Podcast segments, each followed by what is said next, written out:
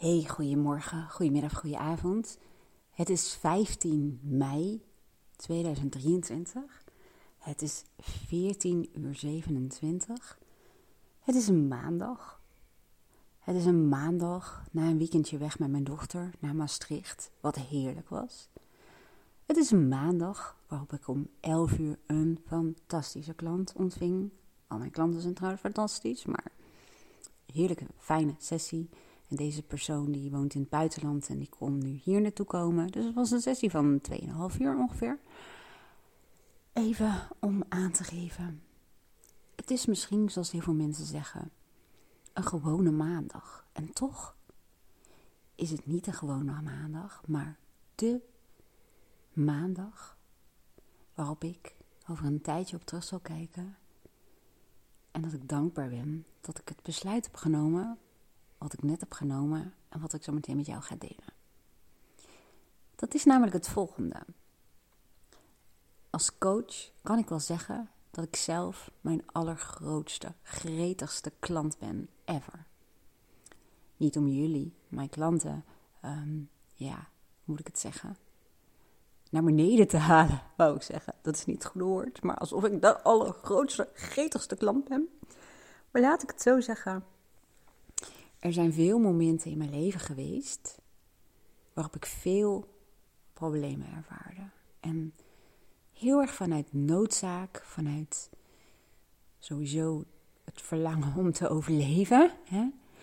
maar ook vanuit iets in mij, het potentieel wat ik voelde, het potentieel van mezelf, het potentieel van het leven. Ik wist, er zit meer in mij. Er zit meer in het leven. En wat ik daarmee bedoelde is gewoon dat ik voelde dat ik op een aantal belangrijke dingen in mijn leven in conflict leefde. Dat ging op dat moment heel erg over mijn relatie, het werk wat ik deed, de hoeveelheid taken en afspraken die in mijn agenda stonden. En dat matchte niet met wat ik voelde, wat voor mij mogelijk was. Dus allereerste keer eigenlijk dat ik in aanraking kwam met, ehm, ja, hoe zal ik het zeggen? Maar instrumenten voor groei en ontwikkeling. was eigenlijk als klein meisje, heel klein meisje, wat ik achter de bank zat. Behalve als mijn neefjes en nichtjes er waren, dan kon ik gewoon lekker met hun optrekken. Maar als er alleen maar grote mensen waren, om het zo te zeggen, dan verstopte ik mij even achter de bank met een boek. En ondertussen was ik aan het luisteren en aan het analyseren en aan het observeren wat grote mensen met elkaar bespraken. En heel veel dingen snapte ik niet. En ik snapte ook niet zo goed um, dat er zoveel verschillende, nu zou ik het standpunten noemen, ik denk toen niet, maar zoveel verschillende standpunten waren. En dat was voor mij al een drive om met de bibliotheekpas van mijn moeder, want met een kinderbibliotheekpas kun je, ja, kom je niet verder dan de Suske en Wiske. Volgens mij was dat zelfs al niet een optie. Of de Donald Duck. je snapt wat ik bedoel. Of wat heb je nog meer? Pinkeltje. Um, om, um, nou ja, boeken te lenen die gecategoriseerd waren. Wauw, dat ging in één keer goed, dat woord. Onder de rubriek filosofie en psychologie. En zo probeerde ik te snappen, sowieso. Ehm, in mijn eigen hoofd, hoe het daar vaak tekeer ging. In mijn eigen innerlijke dromenland was het ook vaak. Maar ook het gedrag van andere mensen te begrijpen. En toen ik wat ouder werd, was ik ehm, ja, op de middelbare school al echt zo'n ja, wandelend uh, coachje eigenlijk. En was ik iedereen een beetje aan het helpen. En dat deden we ook vooral wel door middel van briefjes. Die heb ik nu nog steeds. Die liggen bij ons uh, achter een uh, schot, zullen we maar zeggen. Wij zeggen zolder, maar dat is niet een, een, zolder bij de kamer. In de kamer van Luca, zeg maar. En dat zijn allemaal briefjes. En ik ja, was toen al een beetje zo'n mini-Mona. Ik weet niet of jullie die nog kennen.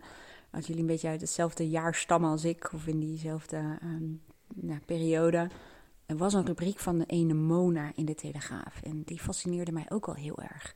Nou, ik was sowieso eens even terugschakelend. Zo chronologisch zal dit allemaal niet zijn. Maar um, in mijn tienertijd, denk ik, hadden wij als een van de eerste in de buurt hadden wij een computer.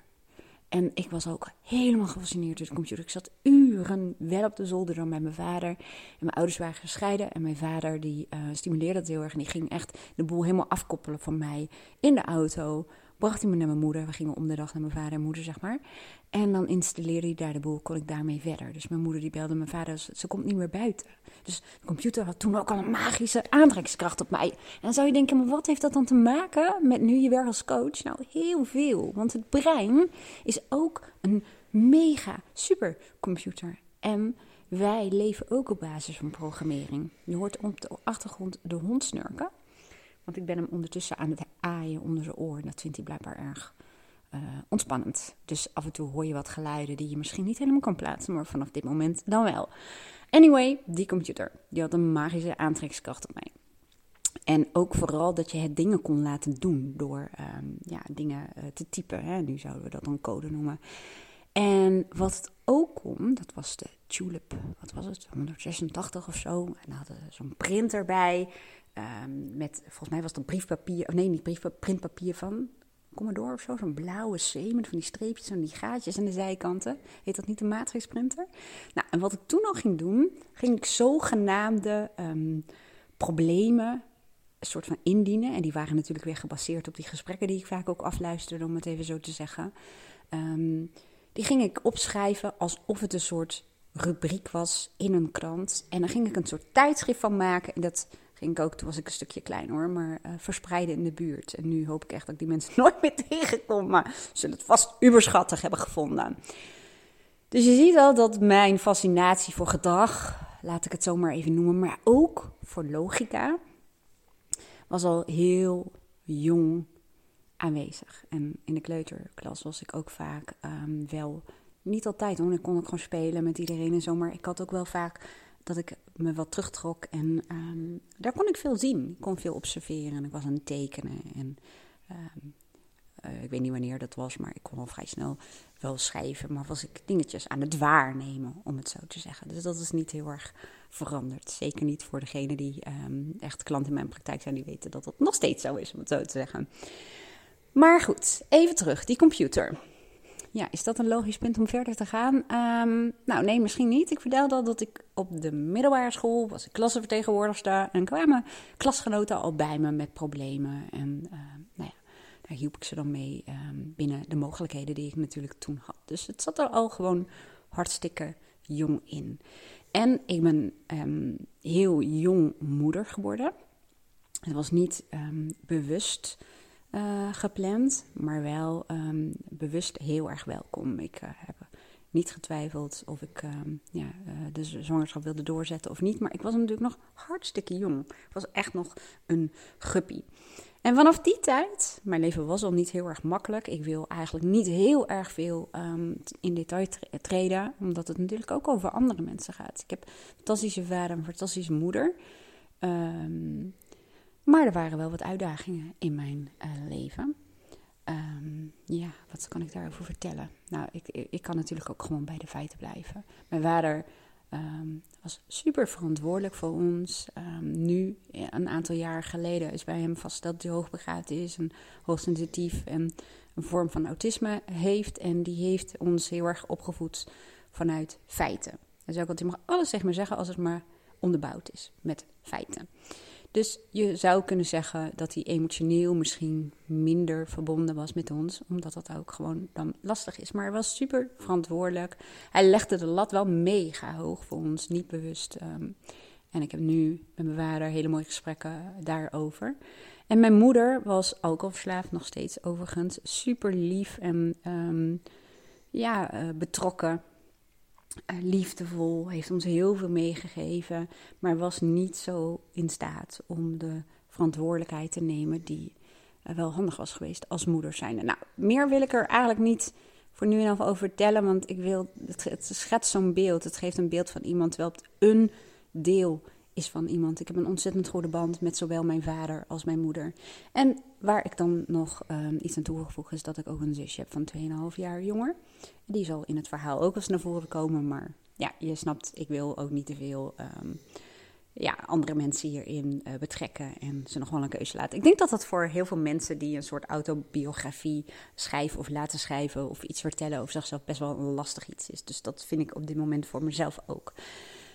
Goed, um, eventjes naar voren in de tijd. En dat was dus dat ik zwanger werd. En ik wist toen al dat, um, nogmaals, ik was hartstikke jong. Ik had het grote geluk dat ik op dat moment, um, nou eigenlijk nooit ben geweest, een heel serieus meisje was. En uh, geen uh, gekke dingen deed en geen grote verlangens had, of eigenlijk helemaal niet, om te stappen en weet ik het allemaal wat. Oh, je hoort die hond steeds harder snurken. Ik moet misschien even mezelf zo meteen verplaatsen. Maar anyway, um, nou ja, um, op het moment dat ik zwanger bleek, was ik al weg bij de vader van mijn kind. En op dat moment zei hij dat hij alleen maar mij wilde steunen als ik het weg zou laten halen. En uh, anders hoefde ik helemaal niets uh, te verwachten van hem. Dus nou, zo gezegd, zo gedaan. Dus ik heb Lisa, mijn dochter, ook alleen gekregen. Wel met een vriendin erbij en mijn moeder erbij, maar zonder haar vader. Um, nou, en op een gegeven moment, een paar maanden later, kwam die toch in, um, ja, in ons leven. En uh, ja, had ik gedacht van ja, ik moet het toch een kans geven hè, om, om mijn dochter toch een gezin te geven. Nou, dat was wel de start van een hele zware, moeilijke maar achteraf gezien mega leerzame periode. En ook daarvoor geldt eh, dat ik daar niet um, ja, te veel woorden aan wil uh, geven. Maar laten we het er maar op houden, en dat is dan wel op zijn allerzachtst gezegd, dat um, de vader van mijn dochter en ik totaal niet op één lijn zaten als het gaat om belangrijke waarden en hoe je met een ander omgaat in een relatie en met een kind. En, en dat was nog wel een gewelddadige relatie, zullen we maar zeggen. Dus er was heel erg veel angst. En ik was wat dat betreft ook nog piepjong. En ik had in mijn jeugd al, nou ja, best wel jong geleerd om volwassen te zijn, om het zo te zeggen. dat klinkt leuk, maar daardoor mis je eigenlijk ook heel veel andere uh, ja, moet ik het zeggen, vaardigheden, competenties, kanten van jezelf. Dat klinkt leuk zo van, je bent heel jong volwassen geworden en dan ben je misschien wel heel zelfverzekerd en dat soort dingen. Ik denk wel, in essentie had ik wel zelfvertrouwen omdat ik wist dat ik op mezelf kon bouwen. Eh, zeker uit overlevingsmechanismen. Maar ik had niet geleerd om te weten wie ben ik nou werkelijk? Wat zijn mijn belangrijkste behoeften? Ik had vooral heel erg geleerd om afgestemd te zijn op de behoeften van andere mensen. En daar was ik hartstikke goed in. Maar dat is niet de manier, laat ik het zo zeggen. Dat is ook bij veel klanten in mijn praktijk het geval. Dat ze geleerd hebben door um, situaties in de jeugd, levensomstandigheden, om hun sensitiviteit, zeg maar, hun voelspriet, die normaal gesproken bij jezelf moet beginnen, die afgestemd moet zijn op jouw belangrijke behoeften en waarden en belangen. Maar die stond met een knikje naar buiten gekeerd. Dus dan verlies je als het ware jezelf. En dan, uh, ja, dan ga je vaak, het ligt aan uh, wie, hè, in welke context. Maar ik ging mezelf heel erg aanpassen. Uh, er speelde heel veel angst. Hè? Dus heel veel van mijn uh, beslissingen waren gebaseerd op angst en het voorkomen van, zullen we maar zeggen. Ja, en ehm, hier loop ik heel even vast. ik weet wat dat is. En ik zie dat ook bij klanten. En nu gebeurt het bij mezelf. Maar ik probeer even de draad weer op te pakken. Um, laat maar ophouden dat ik het contact met mezelf, um, ja, ik was het niet kwijt, maar ik wist niet precies, ja, wie ben ik nou echt? Wat wil ik nou echt? En hoe kan ik daar dan voor zorgen? Ik was eigenlijk echt in een fase, en dat heeft jarenlang geduurd, van overleven. Echt overleven. En toch diep in mij was er altijd iets dat zei: er is hoop. Er is vertrouwen. Het is een innerlijk weten, een gevoel, wat mij geleid heeft. En ook mijn dochter. En ik voel dit nu ook heel erg. Ik zou er echt emotioneel van raken. Ik wist niet dat dat nog zo was, maar dat is dus wel zo. Nou, oké. Dan gaan we even door. Dat is dan een kant van mij die denkt: Kom op, meid, we rapen je weer even van de vloer voordat je zo meteen in gaat storten in deze, ja, wat zal het worden? Luisterboek, podcast, we don't know. Zo gaat dat ook. Dat zijn ook een soort van beschermingsmechanismen. Nou, ik ga dus gewoon door. Ik probeer mezelf weer te krijgen waar ik was. En dat is lastig en dat gebeurt bij heel veel mensen ook. Dus ook, ja, we kunnen daar allerlei namen aan geven. Maar ehm, soms wil je brein als het ware je beschermen om ergens heen te gaan wat pijn doet. En dat gebeurt nu, as we speak. Maar goed, er was iets in mij. Het innerlijk weten, het gevoel, er is meer. En veel van jullie zullen dat ook herkennen. Maar veel van de periodes, zeg maar vroeger, hoe moet ik dat nou zeggen in correct Nederlands, maar toen der tijd hebben boeken, ehm, vooral boeken, ging ik weer met biepasje, maar die was inmiddels van mezelf. Het biepasje bedoel ik bibliotheekpasje, maar inmiddels van mezelf weer naar de biep, want toen waren er nog geen podcasts en online programma's en Ehm, ik ben op een gegeven moment wel uh, naar coaches gegaan. Um, daar had ik dan wel geld bij elkaar geraapt, zeg maar, om dat te kunnen betalen. Ik wist, het is mogelijk, maar er zijn gewoon ehm, vaardigheden of kennis uh, die ik nog niet tot mijn beschikking heb. Dus ik was toen enorm gedreven om te groeien en te ontwikkelen, maar vanuit survival, vanuit problemen.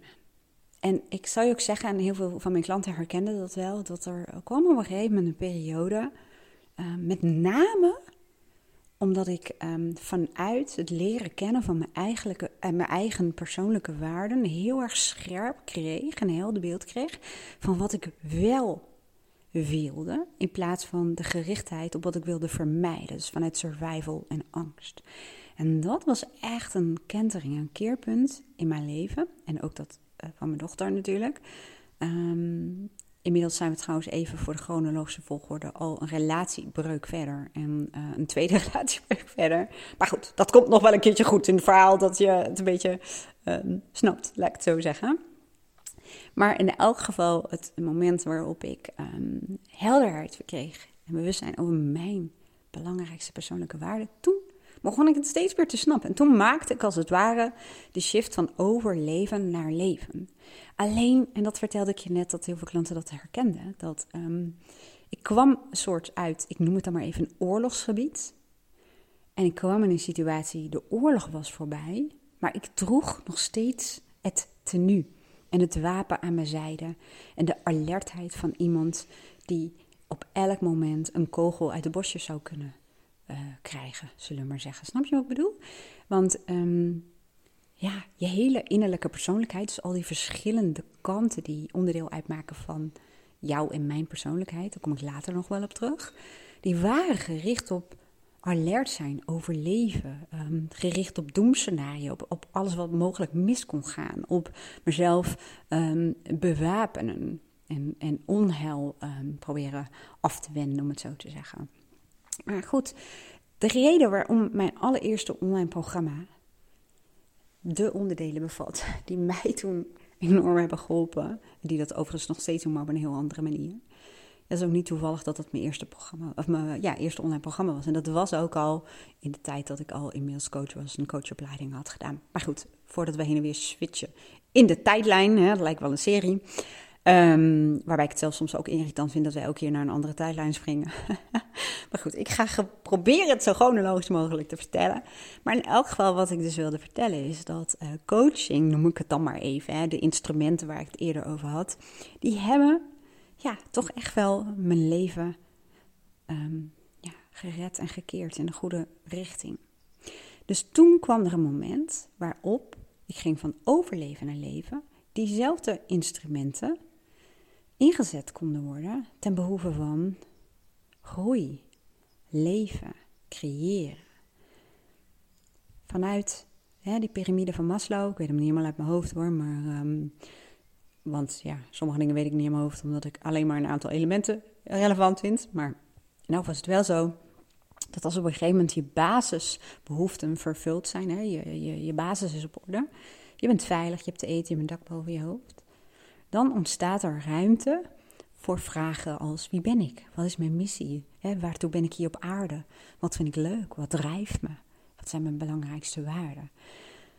Dus dat ja, is eigenlijk hoe in mijn leven, ik noem het maar even coachinstrumenten, maar dat is eigenlijk veel te beperkend het woord. Ik, ik, ik ben nog steeds op zoek naar een woord. En ehm, misschien heb je wel suggesties. Ik heb heel veel suggesties al wel gehad, maar die zijn allemaal een beetje in hetzelfde straatje als die ik zelf ook uh, voor me zie.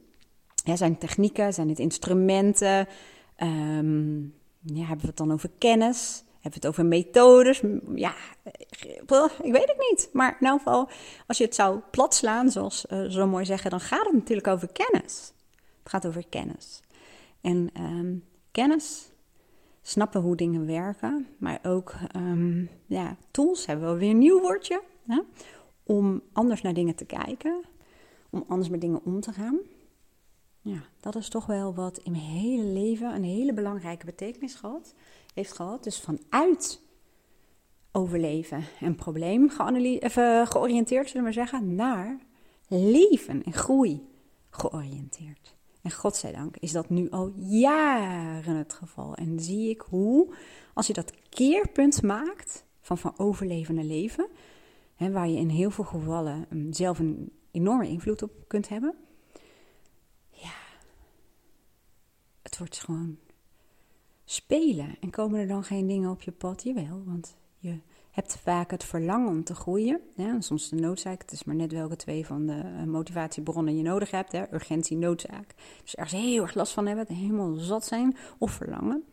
Maar ehm, vaak ontstaat er contrast. Hè? Een contrastervaring noemen ze dat ook wel. Negatieve emoties. En vanuit daar voel je vaak weer het verlangen. En nogmaals, soms de noodzaak om weer verder te ontwikkelen. Dat hoort ook gewoon ehm, bij groei en bij mens zijn. Maar het is echt wel een heel groot verschil of dat vanuit een probleem is of dat dat vanuit groei is. Dat is echt een heel andere dynamiek, het is een heel andere energie.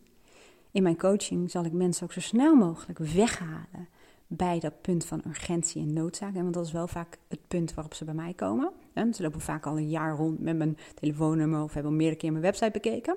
Maar vanuit urgentie en noodzaak verder bewegen zorgt vaak voor vluchtgedrag. Of dat je iets gaat doen wat in het verlengde zit, wat je al deed, maar dan net even beter. Dat je een nieuwe prikkel hebt, net even beter. Dus ik neem mensen al heel snel mee naar verlangen. Want verlangen heeft veel meer energie, positiviteit, hoop, Ehm, je wordt veel meer gedreven. Het innerlijke waakvlammetje, dat kun je wat opstuwen tot het een vlammetje wordt wat je drijft. En heel vaak als mensen bijvoorbeeld zeggen dat ze een gebrek aan zelfvertrouwen hebben, of kracht in zichzelf, of enthousiasme of focus.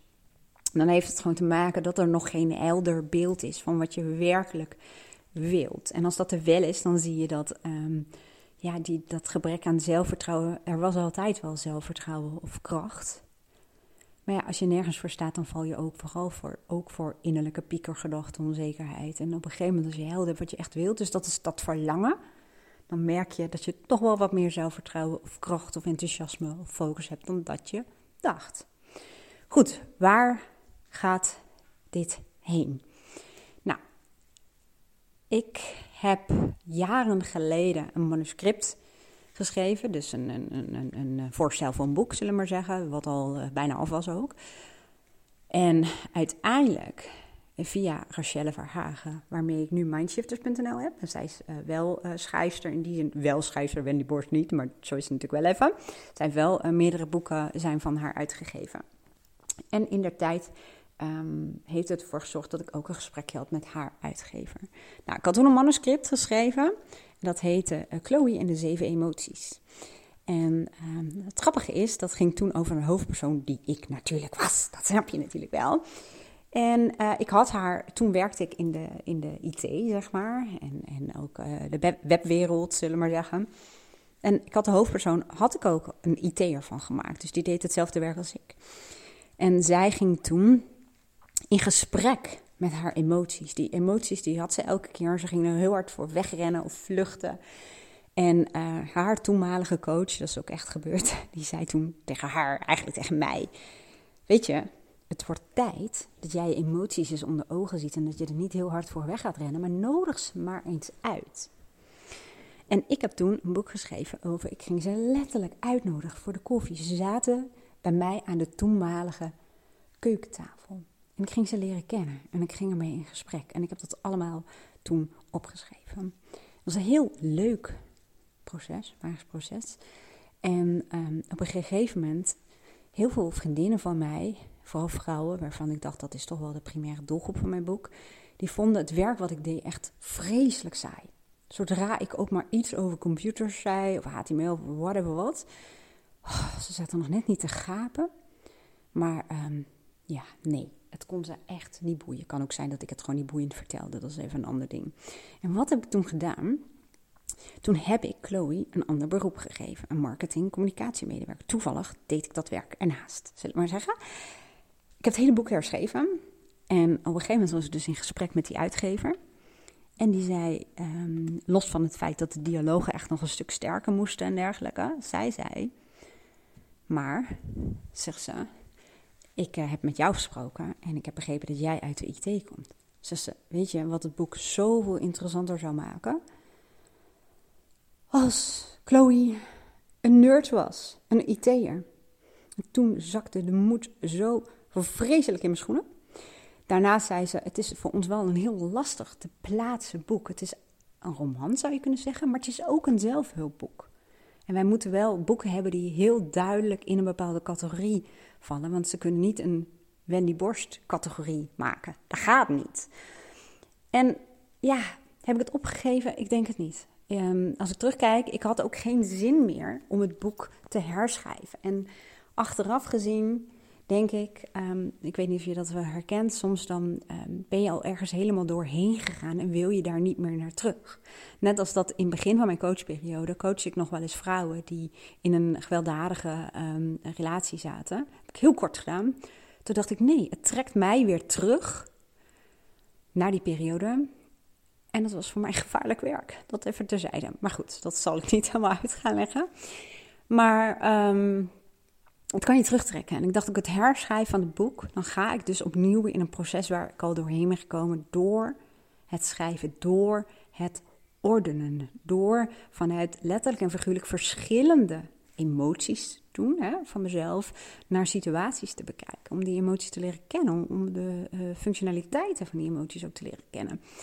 Toen wist ik nog niet dat er zoiets bestond als een methode, voice dialogue, de innerlijke dialoog, dat komt uit de transformatiepsychologie, die daar op een heel gestructureerde manier mee werkte.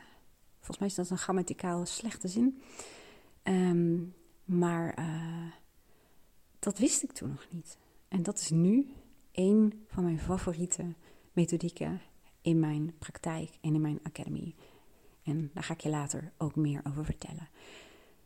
Waar ik namelijk zo meteen mee af ga sluiten, een paar dingen. Dit is echt een soort brainwave van mij en daar heb ik heel veel van. Want laat ik zo zeggen, ik heb wel eens. Uh, nee, nee, laat ik het zo zeggen. Laat ik het zo, mijn valkuil is dat ik meer ideeën heb dan dat ik uitvoer.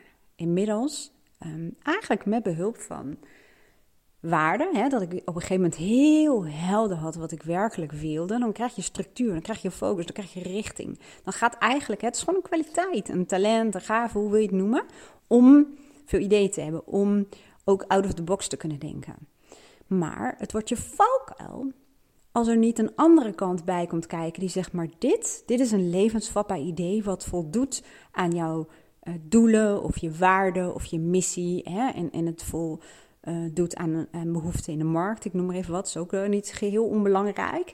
En die kan dan een plan maken om het ten uitvoer te brengen. Dus dat heb ik, godzijdank, op een gegeven moment heb ik de kneepjes van dat vak ook leren kennen. En daardoor kwam bijvoorbeeld mijn allereerste website. Ik was bijvoorbeeld een van de eerste bloggers van Nederland. Dat is misschien wel grappig om te weten. Um, mijn eerste website kwam zo tot stand. Mijn tweede website ook, mijn coachpraktijk ook, opleiding ook en werken. Dus ik leerde toen ook al um, om, um, ja, om ideeën om te zetten in daden. En keuzes te maken. Commitment, vooral commitment. Als je zo'n persoon bent, wat ik ook heel erg ervaar, die er houdt om van houdt om nieuwe dingen op te starten. En de, de, de, de, ja, moet ik het zeggen, de kick van nieuwe dingen. De, de, de vibe, de energie, het denkproces, het creëren. En ja, zoals we wel zeggen, op de winkel passen die al draait, wat minder je ding is. Dat kan, hè. En je kunt natuurlijk um, daar dingen voor organiseren. Je kunt natuurlijk werken met een team of mensen inhuren die dat deel dan voor jou pakken, om het zo te zeggen, of doen.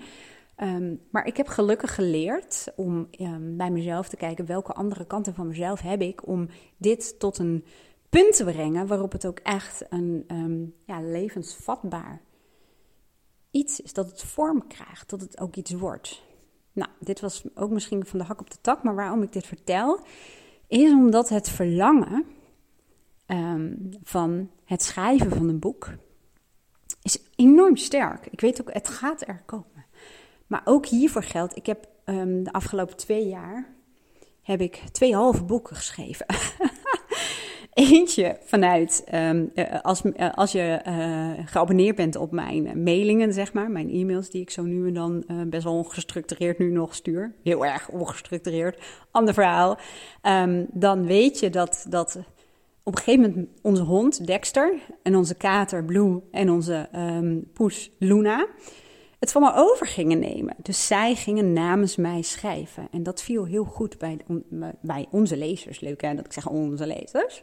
Omdat het best heel grappig is om vanuit het perspectief van een hond... of van een kater of een poes naar de wereld en naar ons te kijken. Dus toen dacht ik, ja, dan wordt dat het boek.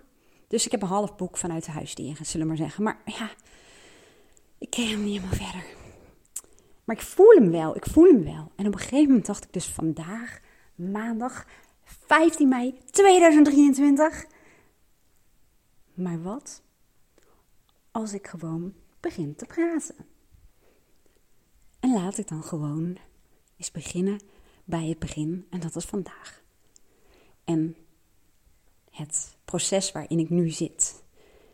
Dat ga ik zo meteen met je delen. En dat vind je leuk. Ik ga het online zetten. En uh, ik blijf het doen. En misschien zijn er mensen die zeggen: superleuk, blijf het doen. Dan kijken we wel even verder. En dat klinkt heel vrijblijvend, maar dat is het niet. dat is het in mijn hoofd niet. En of dit leidt tot een boek, een audioboek, een interactief boek. Misschien zet ik het wel als membership in mijn academy. I don't know yet, zullen we maar zeggen. Dat geeft ook helemaal niet. Start before you're ready. Dat is misschien wel een uitspraak die je kent als je misschien ondernemer of startende ondernemer bent. Want op social media zie je die spreuk heel veel voorkomen. Start before you're ready. En soms zou je denken, ja, maar dat leidt misschien wel helemaal tot niets. Dat kan, dat kan. Of is het dan weer zo'n half afgemaakt iets? Dat kan ook. Dat kan ook. Maar vaak, als je iets voelt, je voelt hem, je hebt eigenlijk al richting bepaald. En je hebt een ingeving. Ja, soms moet je daar gewoon handelen. En kunnen daar hele mooie dingen uit ontstaan. En kan ik nu vertellen wat het exact is wat hieruit gaat ontstaan? Ik weet het niet. Ik zie de contouren. De details, ja, nee, die zie ik nog niet helemaal. Maar goed, ik weet in elk geval. Ik zelf vaar wel bij het ordenen van mijn gedachten. En podcasten is in essentie uit mij als het ware geboren omdat ik juist vooral tijdens mijn coachsessies zoveel inzichten op doe. Ik wilde twee woorden fuseren, maar laten we dat niet doen. Dat ik dacht, ik wil dit delen, want hier kunnen andere mensen ook iets mee doen. En door dat te doen, en door dat op een manier te doen waarop ik zelf ook de inzichten aan het ordenen was, en keek, ja, wat kan ik daar eventueel verder nog mee doen? Kan ik anderen mee inspireren? Is eigenlijk die podcast ontstaan. En mijn hele online academy overigens, alles wat daarin staat.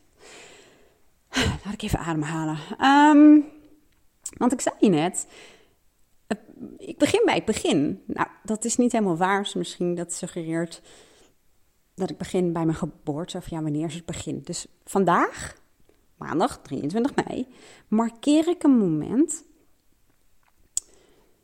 Waarop ik voor mezelf heb besloten dat ik met de wereld, die Nederlands spreekt trouwens, en veel Belgische uh, luisteraars uh, kunnen ook nog iets maken van uh, wat ik vertel. Maar ehm, ga ik vertellen in welk proces ik zelf zit. En dan ga ik je in meenemen als je dat leuk vindt. Ik hoop je daarmee te inspireren ik weet, mensen houden van verhalen en mensen houden er vaak ook van om een soort van in de slipstream mee te gaan met mensen die ehm, ja, lopen en bezig zijn en uh, dingen bijvoorbeeld voorleven, zoals ze dat zeggen, of voordoen.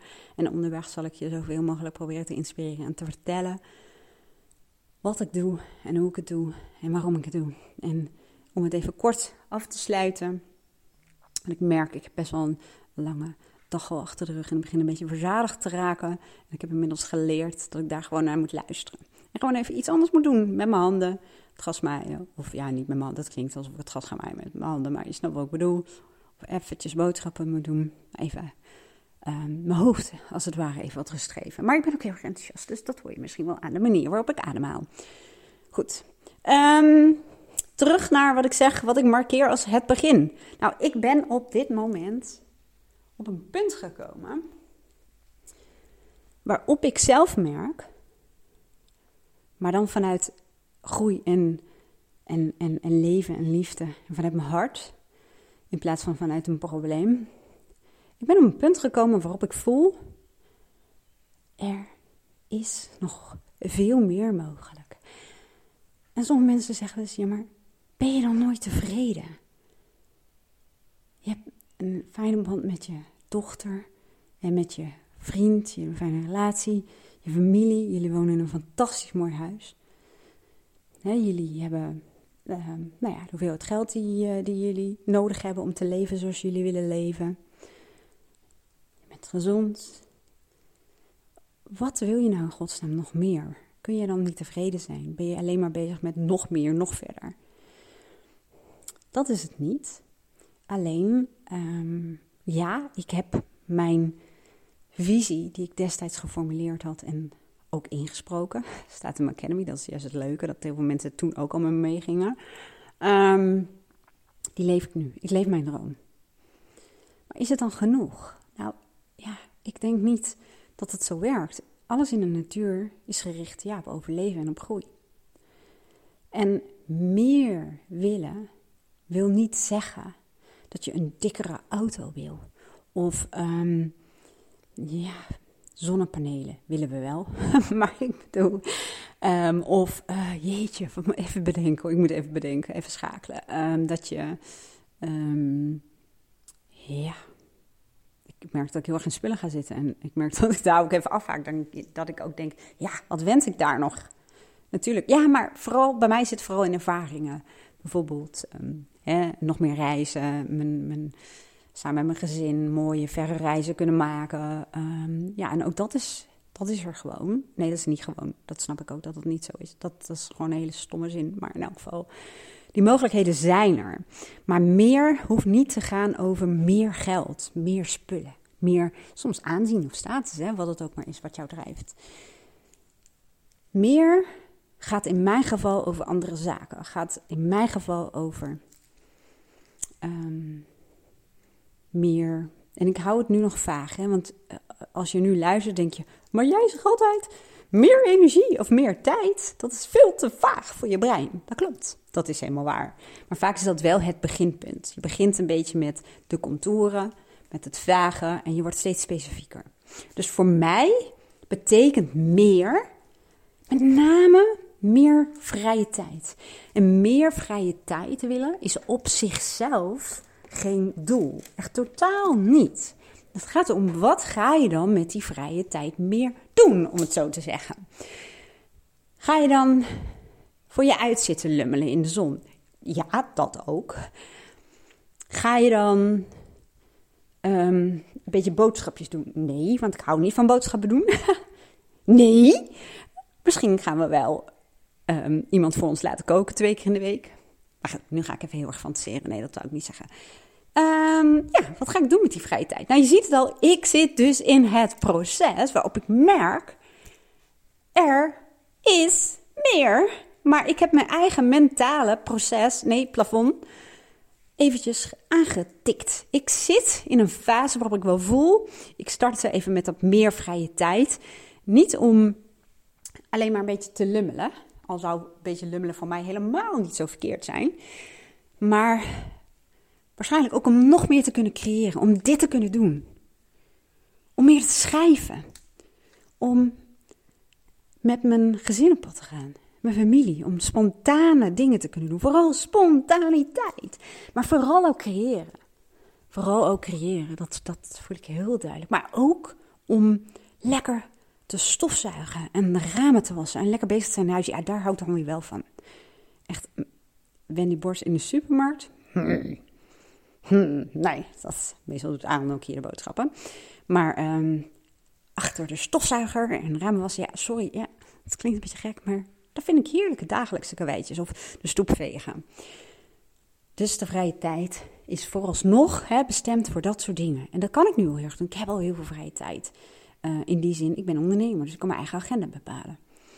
En gelukkig ben ik inmiddels in zo'n positie dat ik in elk geval voor mijn coachpraktijk geen moeite meer hoef te doen. En heel veel mensen denken dat gaat over één nacht ijs. Nou, geloof me, dat is niet waar. Ik was, zoals ik al zei, een van de eerste bloggers van Nederland. Dus je kunt je wel voorstellen dat ik echt mega veel content al had voor mijn website. En dat ik al, um, nou ja, jaren, zo noemen ze dat, organisch, dus op een natuurlijke wijze zonder adverteren, wat ik trouwens ook wel doe, maar werd gevonden. Dus nee, dat was echt niet zo van de een op de andere dag.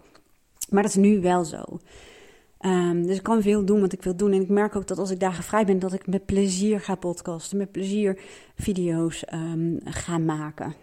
Dus meer vrije tijd gaat ook inhouden dat ik dat meer ga doen. Maar ik voel, het zit hem ook in vrijheid, maar het zit hem ook in, ja, ik noem het toch maar even succes. Niet succes in de zin van aanzien van de buitenwereld, maar wel succes dat je voelt dat je je, ja, hoe zeg je dat, je potentieel ten volle benut. En dat heeft heel erg een linkje met prestatiegericht, maar dat is het niet. Mensen zijn vaak op zo'n gelukkigst, op, op hun gelukkigst, als ze volgens hun waarde leven, hun kwaliteit en gaven inzetten en ook ja, hun missie leven, om het zo te zeggen. En dat is waar voor mij even heel kort de bocht potentieel bijvoorbeeld ook over gaat. Maar, nou komt de maar, en daar komt dus het proces waarin ik zit. Het proces bestaat natuurlijk eerst uit nog meer helderheid verkrijgen over, maar wat is dat dan? Wat is dan, als ik zeg ik leef nu met droomleven, wat zou dan als het ware een stretch zijn van het droomleven, waarin het nog leuker, speelser, meer impact. Dat is allemaal vaag, die woorden. Dus het proces is ook om die woorden betekenisdreven specifieker te maken. Dat is de eerste stap in het proces. Maar daar komt nu, zoals heel veel mensen het noemen, een blokkade. Omdat ik in een gebied kom wat voor mij onvertrouwd is en nieuw en onbekend. Los van het feit dat mijn brein eh, nogal haar best doet om mij daarvan weg te houden. Maar goed, dat is de deal niet. Of uh, hoe zeg je dat? Dat is niet um, dealbreaker. Hoe zeggen ze dat nou? Maar um, nu ben ik weer afgeleid. Wat wil ik nou zeggen? Um, wat, wat, wat, wat, wat wil ik nou zeggen? Over die helderheid. Ja, dat is ook een soort van zelfsabotage ding. Zou kunnen. Maakt niet uit. In elk geval, ik zei, ik ik kom in een onbekend, onvertrouwd, nieuw gebied. En dat is waar ik nu ben. Ik heb als het ware mijn innerlijke thermostaat opgerekt. Ik zal je daar zo wat meer over vertellen. En nu is het zaak dat ik nog wat verder aan de knoppen draai. Want eventjes die innerlijke thermostaat. We hebben allemaal, jij en ik, een innerlijke thermostaat als het gaat om verschillende onderwerpen. Gezondheid, uh, liefde, geld. Ik noem er eventjes drie. dat is net als een thermostaat die voor jou de temperatuur reguleert. Stel dat die op 21 graden staat en het wordt warmer en je hebt een airco, dan gaat het bijkoelen zodat het weer 21 graden wordt. Wordt het kouder, dan gaat je verwarming draaien of je warmtepomp of je pelletkachel of whatever. Um, nee, dat is niet helemaal waar. Dat klinkt wel een beetje, dat moet allemaal wel met elkaar verbonden zijn. Maar je snapt wat ik bedoel, hè? Elk geval zorgt het ervoor dat het dan weer 21 graden wordt. En die 21 graden, dat is dus een, instelling. Ik wilde zeggen default instelling, maar dat is niet helemaal waar. Maar gewoon, het is een instelling. En datzelfde geldt ook voor geld, gezondheid. Het geldt ook voor een, bijvoorbeeld een gewicht. Um, dat als je als het ware wil uh, groeien, dan is het zaak dat je dus bij wijze van spreken de thermostaatknop gaat bijstellen. Als je altijd 21 graden bent gewend, is misschien 18 graden een beetje koud. En is 26 graden misschien een beetje warm. En daar ben je niet op toegerust. Daar ben je nog niet voor ingesteld, zullen we maar zeggen. En we weten heus wel dat je dan een jas aan of uit moet doen, maar daar gaat het eventjes niet om. Als je kunt voorstellen dat dit ook gaat over de hoeveelheid geld wat als basisinstelling voor jou is, zeg maar. Als het gaat om de liefde. Hè, wat voor overtuiging, wat gaat ook over overtuigingen heb je als het gaat om liefde of over gezondheid. En ik zit nu op het punt dat ik naar de thermostaat zit te kijken. En ik ben een beetje aan het pielen en aan het draaien aan dat ding. Ik maak het nu al heel ouderwets, hè? een draaiende uh, thermostaat. Tegenwoordig is het natuurlijk gewoon even via je app. Maar goed, dan zit je ook met je vinger over je scherm. Je snapt wat ik bedoel. En ik uh, denk, ja, hmm, hmm, hmm, hmm, waar ga ik hem naartoe draaien? Wat betekent dat dan? En kan dat eigenlijk wel? Er komen allemaal dingen. Ik, wat ik al zei, ik kom in een onvertrouwd, nieuw, onbekend gebied. Ik weet, en dat was eerst ook nieuw. Ik was altijd. Um, nu komt een woord in me op die heel veel mensen tegen mij zeggen: loonslaaf. Maar dat heb ik me nooit gevoeld. Um, maar ik was wel in loondienst. Dus ik was een medewerker. Wel een best ja, ondernemende medewerker, maar ik was medewerker. En ik heb ook moeten leren om die uh, thermostaatinstelling van medewerker naar zelfstandige te krijgen. Dat ging ook niet zomaar in één keer natuurlijk, hè. Um, maar is wel gebeurd. En zo is die thermostaat van zelfstandige, ZZP'er, um, wat meer verschoven naar ondernemer, doordat er andere, ik noem het maar verdienmodellen of inkomstenbegonnen manieren waarop ik mijn, um, ja, mijn, mijn, mijn kennis, ervaring, mijn product van, kon vermarkten, we het maar even zo noemen. Um, ja, ik heb geleerd om ondernemender te zijn. En um, ja, die knop is wel meerdere keren uh, gedraaid. En op een gegeven moment ben ik met Rachelle Verhagen Mindshifters.nl eh, begonnen. En werd steeds ondernemender, maar weet ik dat ik dus nu op een punt zit waarop ik uh, klaar ben om uit het. Oh, en ik luister naar mijn taal en ik weet dat mijn brein het niet fijn vindt als ik zeg om uit het ZZP-schap, hoe zeg je dat, te stappen. Dit is voor het brein niet heel relaxed, maar zeggen. Zo van, je hebt een geweldig leven, alles gaat goed. En dan ga jij iets opgeven en dan ga jij naar de onbekende. Dus ik verander ook vaak mijn taal. Ik stap helemaal niet uit het ZZP-schap. Ik ben nu op een punt waarop ik ga ontdekken hoe ik, hoe wij, Rachel en ik ook, samen, maar ook hoe ik met mijn eigen bedrijf, uh, het slimmer ga aanpakken. Waarop ik ga zoals ze dat zo mooi noemen, opschalen, impact vergroten. Maar daar zit onwetendheid, daar zitten conflicten, omdat ik weet dat een valkuil van mij is dat ik me heerlijk kan verliezen in werk en nieuwe projecten. En ehm, dan verlies ik ook het contact met, nou ja, delen van mezelf. Met mijn gezinsleden, mijn familieleden en welk ander levend wezen dan ook om me heen. Um, ik weet hoe het is om ontiegelijk veel te moeten werken. Ik kan het ook, maar ik wil het niet meer. Omdat wat ik al zei, vrije tijd, vrijheid, de spontaniteit, de verbinding met andere mensen. Ja, een beetje kunnen vliegen, fluiten, wat ik nog niet zo heel erg goed kan, maar dat is wel iets. Wat ik heel in vliergeluid kan dus ook zijn, wat ik zei, de ramen wassen of plantjes verpotten of lekker in de auto gaan zitten en toeren. Um, en er zit dus nu een heel groot conflict, mega conflict omdat ik nog niet weet hoe het kan. Hoe kan ik, als het ware, opschalen? zijn allemaal fijne containerbegrippen, I know, maar ik zei, ik zit in het proces om dat te verduidelijken. Maar hoe kan ik, als het ware, um, meer impact opschalen? En dat bedoelde ik dus ook met succesvoller zijn, hè? want uh, dat staat voor mij ook gelijk aan uh, meer mensen inspireren. Mijn kennis, ervaring die mij heeft geholpen, die mijn klanten hebben geholpen, nog meer aan de wereld ter beschikking stellen.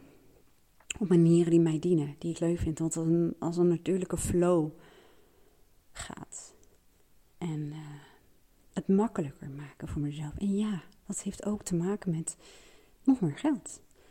Want geld is gewoon een middel en daar zit blijkbaar ook een associatie op. Anders zou ik niet zeggen, want geld is maar een middel. Maar goed, dat is even weer een andere associatie.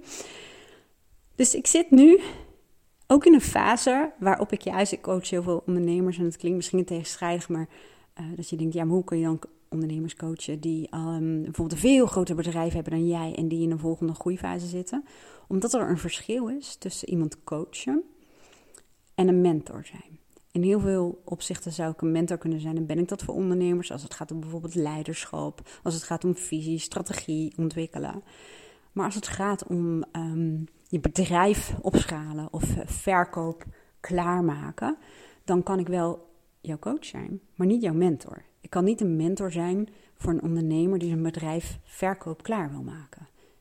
een coach kan ik zijn, nogmaals, maar een mentor is wat anders. Dan zeg ik ook, ik heb best wel mensen in mijn netwerk van, um, nou, kijk eens om je heen en dan heb ik wel wat suggesties. Uh, of ga naar een mastermind, maar ga leren van mensen die dit al eerder hebben gedaan. Misschien veel verder zijn dan jij. En veel is nogal subjectief. Um, ja, ik weet niet meer waarom ik dit zei. Doet er niet toe, maar in elk geval, ik kom in dat gebied. En Rachel en ik zijn zelf ook wel bezig met, uh, met uh, mentoren. Um, dus dat is ook een onderdeel van mijn proces, waarop ik leer ook om te onderzoeken. Ten eerste natuurlijk wat mijn eigen perceptie is, hè? wat mijn, ze noemen het ook wel paradigma, dat is misschien wat veel groter woord, wat veel meer uh, levensgebieden uh, treft. Maar um, ik heb dus een beeld bij succesvol zijn en veel impact maken, om het even zo in de containerbegrippen te houden. En dat beeld is op dit moment heel erg geassocieerd met uh, alleen maar met je werk bezig zijn en andere dingen die belangrijk voor je zijn en andere mensen die belangrijk voor je zijn, daar geen tijd meer voor hebben. En heel veel dingen doen die je niet leuk vindt ook. dus, um, en het grappige is dat vanuit die overtuiging, vanuit dat idee, um, merk je dat heel veel, um, ja, of ik kan wel zeggen, de waarheid die ik hierover in mijn hoofd gecreëerd heb, wordt bevestigd op dit moment, doordat ik vooral bewijzen las zie, bewijzen van mensen die inderdaad succesvol zijn, impact hebben zijn gaan opschalen. En een bedrijf zijn vergroten, succesvoller zijn geworden. Maar die keihard werken en er nooit thuis zijn bijvoorbeeld. Of niet kunnen doen wat ze willen. Of, um, ja, maar dat komt ook omdat het een waarheid is die ik heb geconstrueerd. En dan kijk je ook vanuit dat perspectief en verzamel je ook bewijzen. Zo gaat het ook met overtuigingen. En nu is het, ik zit in een fase waarin ik ga kijken, ja, hoe zou het kunnen zijn als dus conform mijn waarden en voorwaarden en mijn wensen, verlangens, missie, visie, noem het allemaal maar op. Um, en dan wou ik zeggen een bedrijf hebben, maar misschien moet ik gewoon even het hoe ook eventjes loslaten. Dat ik niet meteen ga zitten in het hoe, maar wel um, mijn wensen en verlangens. Hè, als het gaat over wat ik zei, de kennis, de ervaring. Nog meer ter beschikking stellen aan de wereld. En dan laat ik zelfs los daar meer geld mee verdienen, zodat het me nog meer vrijheid geeft. Dat laat ik even los, want het zit ook al een beetje toe. Dus het is ook een stukje opnieuw naar de tekentafel. En eens onderzoeken en kijken op welke manieren zou ik dat wel kunnen doen. En wat zou dan een stretch zijn? Of misschien zelfs wel een grote sprong. Want een stretch heb ik heel vaak gedaan. Ik heb heel veel gestretched in mijn leven. Omdat dat ook voorziet in een belangrijke behoefte aan ja, veiligheid. En, ja, dat denk ik. Maar ja, wat als ik hem wat groter zou maken en het een sprong ga noemen? Misschien is dat wel ehm, het proces waarin ik zit. Maar het gaat altijd over de allereerste stap en dat is helderheid creëren. En in mijn geval gaat het ook over informatie verzamelen en een beeld creëren van hoe ziet het er dan uit, die volgende stap? Of dat nou een grote of een kleine is, of dat nou een stretch is of een grote sprong is. En dat is het proces waarin ik nu zit. En ik ga dat op verschillende manieren doen. Ik ga dat sowieso doen met de coach, ja, instrumenten die ik tot mijn beschikking heb. Voor Mindshifters doen Rachel en ik dit samen. We hebben volgende week bijvoorbeeld samen een strategiedag. Um, ja, mentoren. Dat. Maar ik sta eigenlijk helemaal aan het begin. En dat is wat ik eigenlijk ook met je wilde delen. Want in mijn geval, het lijkt alsof het puur zakelijk gericht is, maar dit gaat helemaal niet alleen maar over puur zakelijk. Dit gaat over mijn hele leven. Want er zitten verlangens die, um, ja, die er ook zijn. En wat ik daarmee bedoel, ik weet nog niet wanneer ik het ga afsluiten, maar is ook, ik heb ook een paar jaar geleden tegen een vriendin gezegd, ehm, ah, af en toe ben ik best jaloers op jou, dat je een huisvrouw bent. En heel veel mensen moeten heel hard lachen als ik dat zeg van, tuurlijk, dat ga jij echt niet doen, binnen één dag verveel je al. Ja, maar dat, dat is ook vaak de verlangens die je uitspreekt, hè, van ik zou wel jaren willen reizen of mijn hutje op de hei of eh, weet ik veel wat voor, hoe heet die dingen, um, hoe heet die dingen, van die kloosters. Mensen daar willen zitten of in mijn uitspraak een huisvrouw willen zijn. Um, vaak wil je niet een huisvrouw zijn, maar leg dat wel bloot wat belangrijke behoeften en uh, verlangens zijn. En dat is een restje, een erfenis uit ten eerste een stukje opvoeding. Mijn vader heeft mijn zusje mij altijd opgevoed dat we onafhankelijk moesten zijn. Vooral ook financieel onafhankelijk van een man. Dat dat ons heel veel gaat bieden in het leven. Nou, ik ben hem altijd dankbaar dat hij dat ons heeft meegegeven. Maar um, in de tijd als alleenstaande moeder heb ik heel erg die onafhankelijkheid, de financiële onafhankelijkheid, uh, alles um, nou, alleen moeten doen. En was het heel erg geboren vanuit uh, ja, overleven. En toen ik samenkwam met Aaron, en dat is dus nu het restje wat nog steeds heel erg in mijn leven, was ik echt heel erg aan het vechten voor die onafhankelijkheid, financiële onafhankelijkheid. En vond ik het gewoon heel lastig dat hij een veel hoger inkomen had als ik bijvoorbeeld. En was ik heel erg aan het, aan, het, aan het streberen, als dat een Nederlands woord is, om daar ook te komen. Want dan alleen zou ik gelijk zijn. Ja, klinkt, ik weet het, ik weet het, ik weet het, ik weet het. Het klinkt, ik weet het. Uh, het was een ander proces geweest waar ik doorheen moest komen. Maar um, was het soms voor mij lastig, en dat herkennen heel veel vrouwen die ik coach, om zoals ze dat labelen, mijn vrouwelijke kanten, meer naar voren te laten komen. En niet in de kleren en de oorbellen die ik in heb en aan heb, maar meer in, um, ja, eh, ze noemen dat, of nou het woord man en vrouw de goede woorden zijn, dat dat even terzijde. Maar ze zeggen elke persoon, man of vrouw, um, heeft mannelijke en vrouwelijke delen. Zo hebben ze dat nou eenmaal genoemd. Je zou het allerlei andere namen kunnen geven, wat misschien best wel handig zou zijn. Maar in ieder geval staan ze symbool voor kanten in jezelf. En vaardigheden en dat soort dingen. En energie als je nog dieper wil gaan. Nou, in ieder geval heb ik in mijn leven heel erg geleerd om mijn mannelijke kanten, daadkracht, zorgen voor, oplossingsgericht, strategisch, analytisch, um, oplossingsgericht, uh, visie, gedreven. Het zit hem vaak in het doen, het zit hem soms in het pushen. Dat is dan meer doorslaan, maar het zit hem in elk geval in dingen bewerkstelligen. En onafhankelijkheid. En zoals ooit een psycholoog waarmee ik uh, in gesprek was over dit proces destijds zei: jouw mannelijke been, als je het zo zou willen visualiseren, maar die is heel gespierd en heel breed. En dat vrouwelijke been, dat bungelt er echt bij als een, ja, als een draadje. Dus uh, je hebt wel twee benen nodig als je heel stevig wil staan. En die vrouwelijke kanten, die uh, staan voor creëren, ontvangen, sensitiviteit, zachtheid en openheid en nog heel veel andere dingen. Dus ik heb dat proces al doorlopen. Maar ik ben nu in een fase, als we het hebben over de innerlijke thermostaat. Ik dacht dat ik dat tot op een bepaald niveau kon bereiken. Maar nog steeds um, hinkel ik af en toe op die benen. En vind ik het soms lastig om, uh, ja, moet ik dat zeggen, uit het harde werken te komen. Uit, uit is niet het goede woord hoor, maar uh, als ik kijk naar mijn innerlijke bus met al die verschillende kanten, dan zijn er nog steeds veel mannelijke kanten die um, primair zijn en een beetje voor in de bus zitten. En er zitten al heel veel andere vrouwelijke kant. En ik doe veel meer vanuit mijn gevoel en mijn hart. Maar ik voel, daar zit ook potentieel. Dus zo zie je dat het proces waarin ik zit hè, en het, het um, benutten van mijn potentieel gaat dus niet over spullen of meer.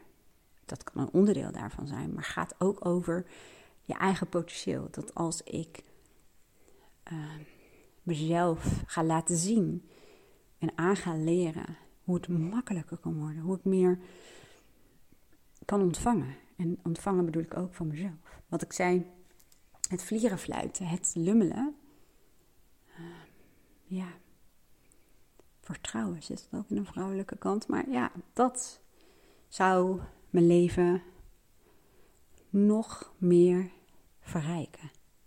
En dat is waar ik in zit. En dat ga ik, als jullie het leuk vinden, met jullie delen. En welke vorm dat precies krijgt, dat weet ik niet. Misschien maak ik een boek van, een luisterboek, een leesboek of allebei.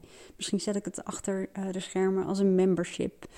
Um, I don't know, dat weet ik nu nog niet. En dat is misschien wat ik je dan als allereerste al mee wil geven. Je hoeft het ook nog niet allemaal te weten. Soms is het gewoon goed om te beginnen met die eerste stap. En dan sluit ik af met een ehm, voorbeeld die ik ooit heb bedacht. Van, ehm, en ik kan heel eerlijk gezegd niet zeggen van heb ik hem helemaal zelf bedacht of heb ik hem ergens opgeduikeld, dat weet ik niet meer. Maar ik vind het wel een mooi voorbeeld van stel je gaat met het vliegtuig op vakantie. En het is avonds laat en je stapt uit het vliegtuig. Het is donker. En ehm, je gaat de uurauto ophalen, want je gaat zelf naar de bestemming rijden. Je hebt geen idee waar je heen moet. Je hebt geen idee hoe de omgeving eruit ziet. Je hebt geen idee. Het is donker, je ziet ook echt geen hand voor ogen. En toch stap je de auto in. Ten eerste, je hebt richting bepaald. En natuurlijk heb je inmiddels in een navigatie, eerder was het met de kaart, was de metafoor nog even iets beter, maar heb je die bestemming ingevoerd. Maar er is een reden waarom je in die auto stopt, waarom je op pad gaat, waarom je wegrijdt. In het donker. Door je koplampen. Je dacht, wanneer gaat de kloek komen? Maar dit is hem. Omdat er koplampen in zitten. En die koplampen schijnen, en misschien heb ik het helemaal mis qua aantal meters, maar zoiets van 30 meter vooruit te schijnen. Op het moment dat je in de auto stapt en je start de motor, je gaat zitten aan het stuur en je geeft gas, dan elke keer als je aan het rijden bent, zie je de volgende 30 meter en de volgende 30 meter en de volgende 30 meter en de volgende 30 meter. En dan vind je oké. Je hebt vertrouwen dat je er wel komt. En dus is genoeg licht hebt en ook op datgene wat voor je ligt om door te kunnen gaan. En om op die bestemming aan te komen. Al weet je misschien nog helemaal niet wat dat precies is. En waar dat is en wanneer dat is. Nou, dat vond ik wel mooi. En ja, ik ben wel benieuwd hoe dat voor jou is. En uh, in welk proces jij dan zit. En of jij het net als ik aandurft om in die auto te gaan zitten, de motor te starten en in beweging te komen. Nou, als je leuk om me te volgen, laat het even weten. Dat helpt mij natuurlijk om uh, te kunnen bepalen op een gegeven moment om uh, hier meer over te podcasten. Ik noem het nu maar even podcast. Ik zet het gewoon op mijn podcastkanaal en op mijn YouTube kanaal. En dan gaan we gewoon samen wel kijken. Dankjewel voor het luisteren als je zo ver bent gekomen. Ik wens jou een hele mooie dag en heel graag tot het volgende hoofdstuk.